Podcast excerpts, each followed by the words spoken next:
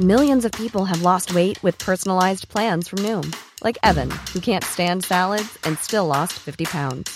Salads, generally, for most people, are the easy button, right? For me, that wasn't an option. I never really was a salad guy. That's just not who I am. But Noom worked for me. Get your personalized plan today at Noom.com. Real Noom user compensated to provide their story. In four weeks, the typical Noom user can expect to lose one to two pounds per week. Individual results may vary. It's that time of the year. Your vacation is coming up.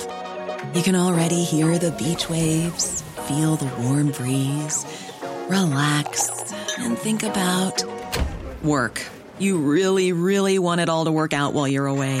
Monday.com gives you and the team that peace of mind. When all work is on one platform and everyone's in sync, things just flow wherever you are. Tap the banner to go to Monday.com.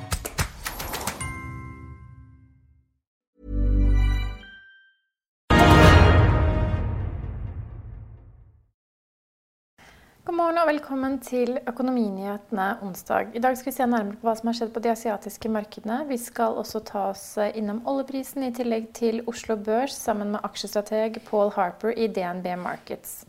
Vi skal i tillegg få en oppdatering på kryptovaluta fra CEO i Arcane Krypto, Torbjørn Bull Jensen, i tillegg til at vi skal se nærmere på koronatallene for Norge.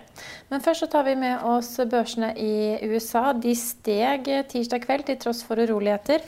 Dow Jones endte opp 1,1% Nasdaq steg 0,6% men SNP 500 endte opp 0,8% og I Asia er det også bred oppgang onsdag. Japan steg Nikki 225 1,3% mens den brede Topix la på seg 0,7 Hang Seng i Hongkong endte opp 1,3% mens CSI 300 i Kina steg 0,1 Også brentoljen er opp i dag. Vi har nå en brentolje over 40 dollar fatet, og vi skal se at prisen på amerikansk lettolje er på det høyeste nivået siden begynnelsen av mai.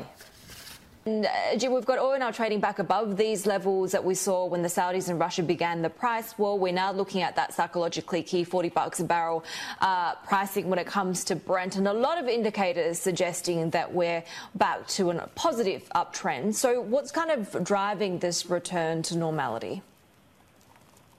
Yeah, that's right, Heidi. That's definitely a more uh, normal type trading um, than what we saw, you know, just a, just a month or so ago.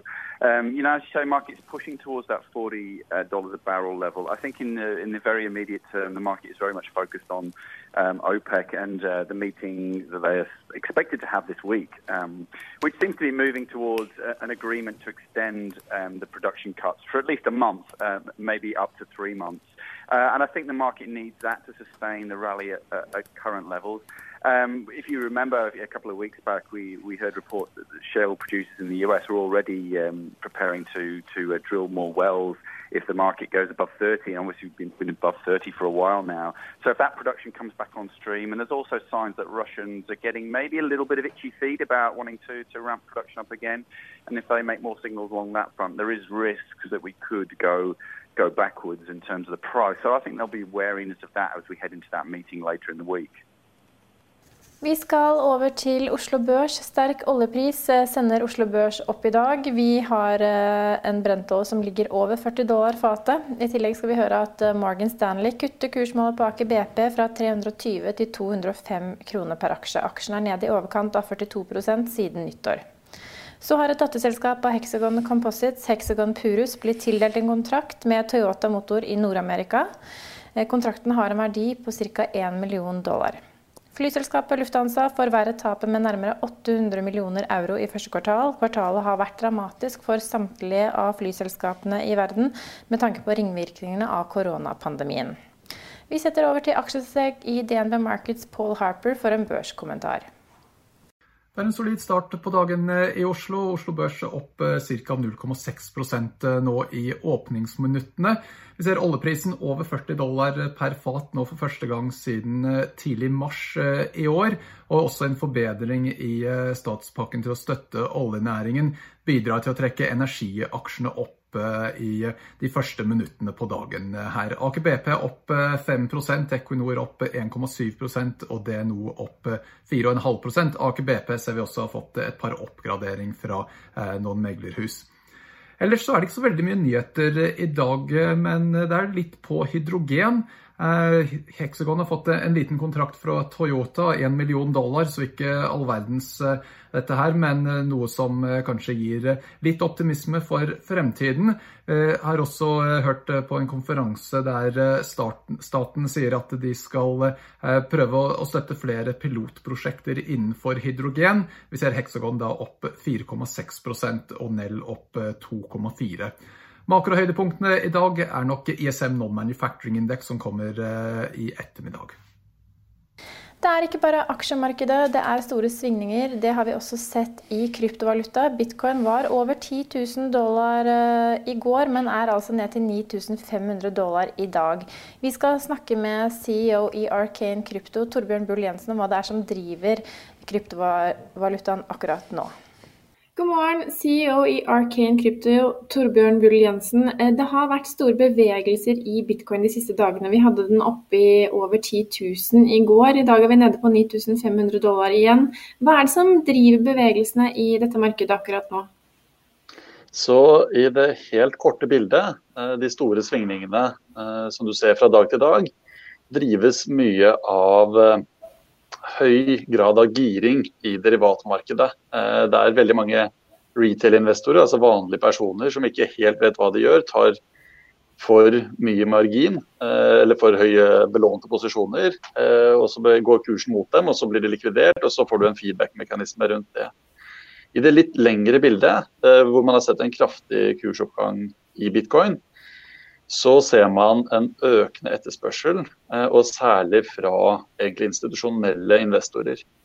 Dette er jo da tydelig eksemplifisert ved at eh, kanskje verdens mest anerkjente makroinvestor eh, i starten av mai gikk ut og sa at han har allokert mellom 1 og 2% til bitcoin, altså Paul Tudor Jones. Og ved den uttalelsen egentlig sendte litt sjokkbølger gjennom store deler av si, kapitalmiljøene verden over. Betyr det at, uh, at, det er på en måte forventa Vi er jo langt unna de høyeste nivåene på bitcoin, og vi er også langt unna de laveste nivåene vi har sett på bitcoin. Men betyr det at man nå forventer en mest, det, ser man en mer stabil utvikling i denne kryptovalutaen nå enn man gjorde f.eks. for, for ett-to år siden? Ja, sånn at uh, Ved starten av året, uh, og egentlig fram til denne likviditetskrisen 12.3 eh, i forbindelse med korona, så så man at bitcoin hadde en veldig jevn og trutt oppgang. Og viste en helt annen markedsdynamikk enn tidligere år. Så kom jo da denne likviditetsskvisen og stupet i vanlige markeder, og også bitcoin. Men etter at det har roet seg, så har du igjen sett en jevnere kursutvikling men med betydelig si, intradag-volatilitet. Eh, særlig pga. det økte omfanget av eh, margintrading. Vi snakker mye om hva det er som driver aksjemarkedene akkurat nå. Men er, hvis man ser på driverne bak bitcoin, vi har vært gjennom, vi er og fortsatt i en koronapandemi, og vi har vært gjennom et uh, oljeprisfall. Påvirker sånne hendelser kryptovaluta? Ja, sånn at Det som har vært litt interessant å se, er at uh, Eh, da lockdownene begynte å si, tre til i forskjellige land, så så man en økt aktivitet i bitcoin-markedet. Man så rekorder på hvor mange som registrerte seg på kryptobørser og kjøpte bitcoin. Så da folk satt hjemme og kjedet seg, så prøvde de å finne ut av dette med kryptovaluta. Men det er, det er to større megatrender som særlig påvirker bitcoin. Det ene er krisetiltak eh, mot eh, koronaeffekten på økonomien. Altså stadig mer pengetrykking, kvantitative lettelser som eh, mange vil si har gått eh, litt amok. Eh, kombinert med at eh, samfunnet stadig blir mer digitalisert. Så når det trykkes mer vanlige penger, og bitcoin-produksjonsraten har blitt halvert tidligere i mai, og verden blir mer digital, så er det stadig flere som ser eh, en langsiktig oppside eh, i en bitcoin-investering og kryptovaluta. Hvor, hva, hva, tenker du selv? På, på, lengre sikt så har jeg aldri vært så optimistisk som jeg er nå. Og det skyldes at si, utviklingen har fortsatt å akselerere. Både ved teknologi som gjør det mer anvendbart, steder man kan både kjøpe og selge det. Eh, bruk til flere forskjellige typer løsninger. Eh, Det at stadig større aktører tar det stadig mer seriøst. Så den lange trenden man har sett der, er bare blitt sterkere over tiden. Men hva vil være en uh, fornuftig langsiktig kurs på bitcoin? da? Vi, vi har jo disse intradagbevegelsene og, og selvfølgelig sikkert uh, tradere som er giret som må fort inn eller fort ut. Uh, hva tror du den bør eller skal ligge på for at den skal ha en stabil utvikling? Så Bitcoin kommer nok til å, si, selv om det er jevnere utvikling nå, så kommer det nok til å være mye rykk og napp. Eh, og det er viktig å forstå at dette er i stor grad et ganske asymmetrisk eh, veddemål å investere i. Eh, fordi hvis det virkelig lykkes, så skal vi langt opp fra dagens nivå. Mens i verste fall så vil du falle ned mot la oss si 2000 dollar, 1000 dollar, altså noe som blir veldig lite verdt.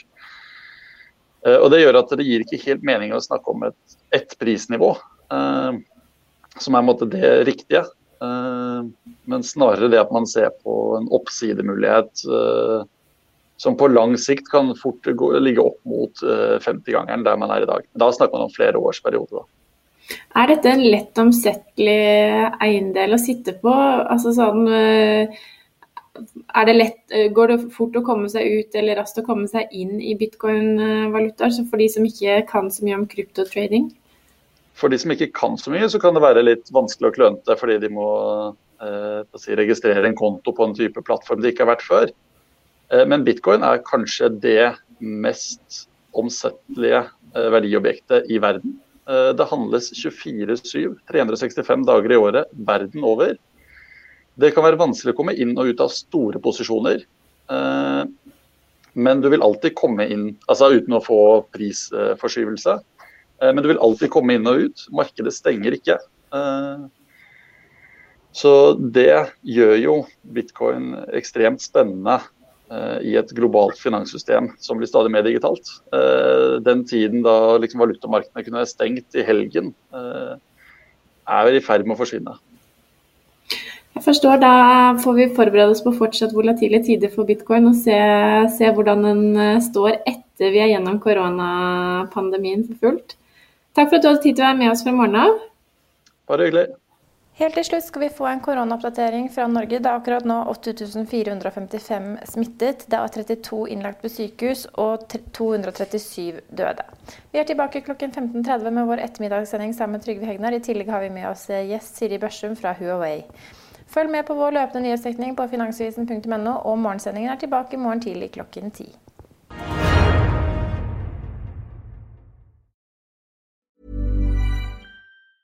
Planning for your next trip?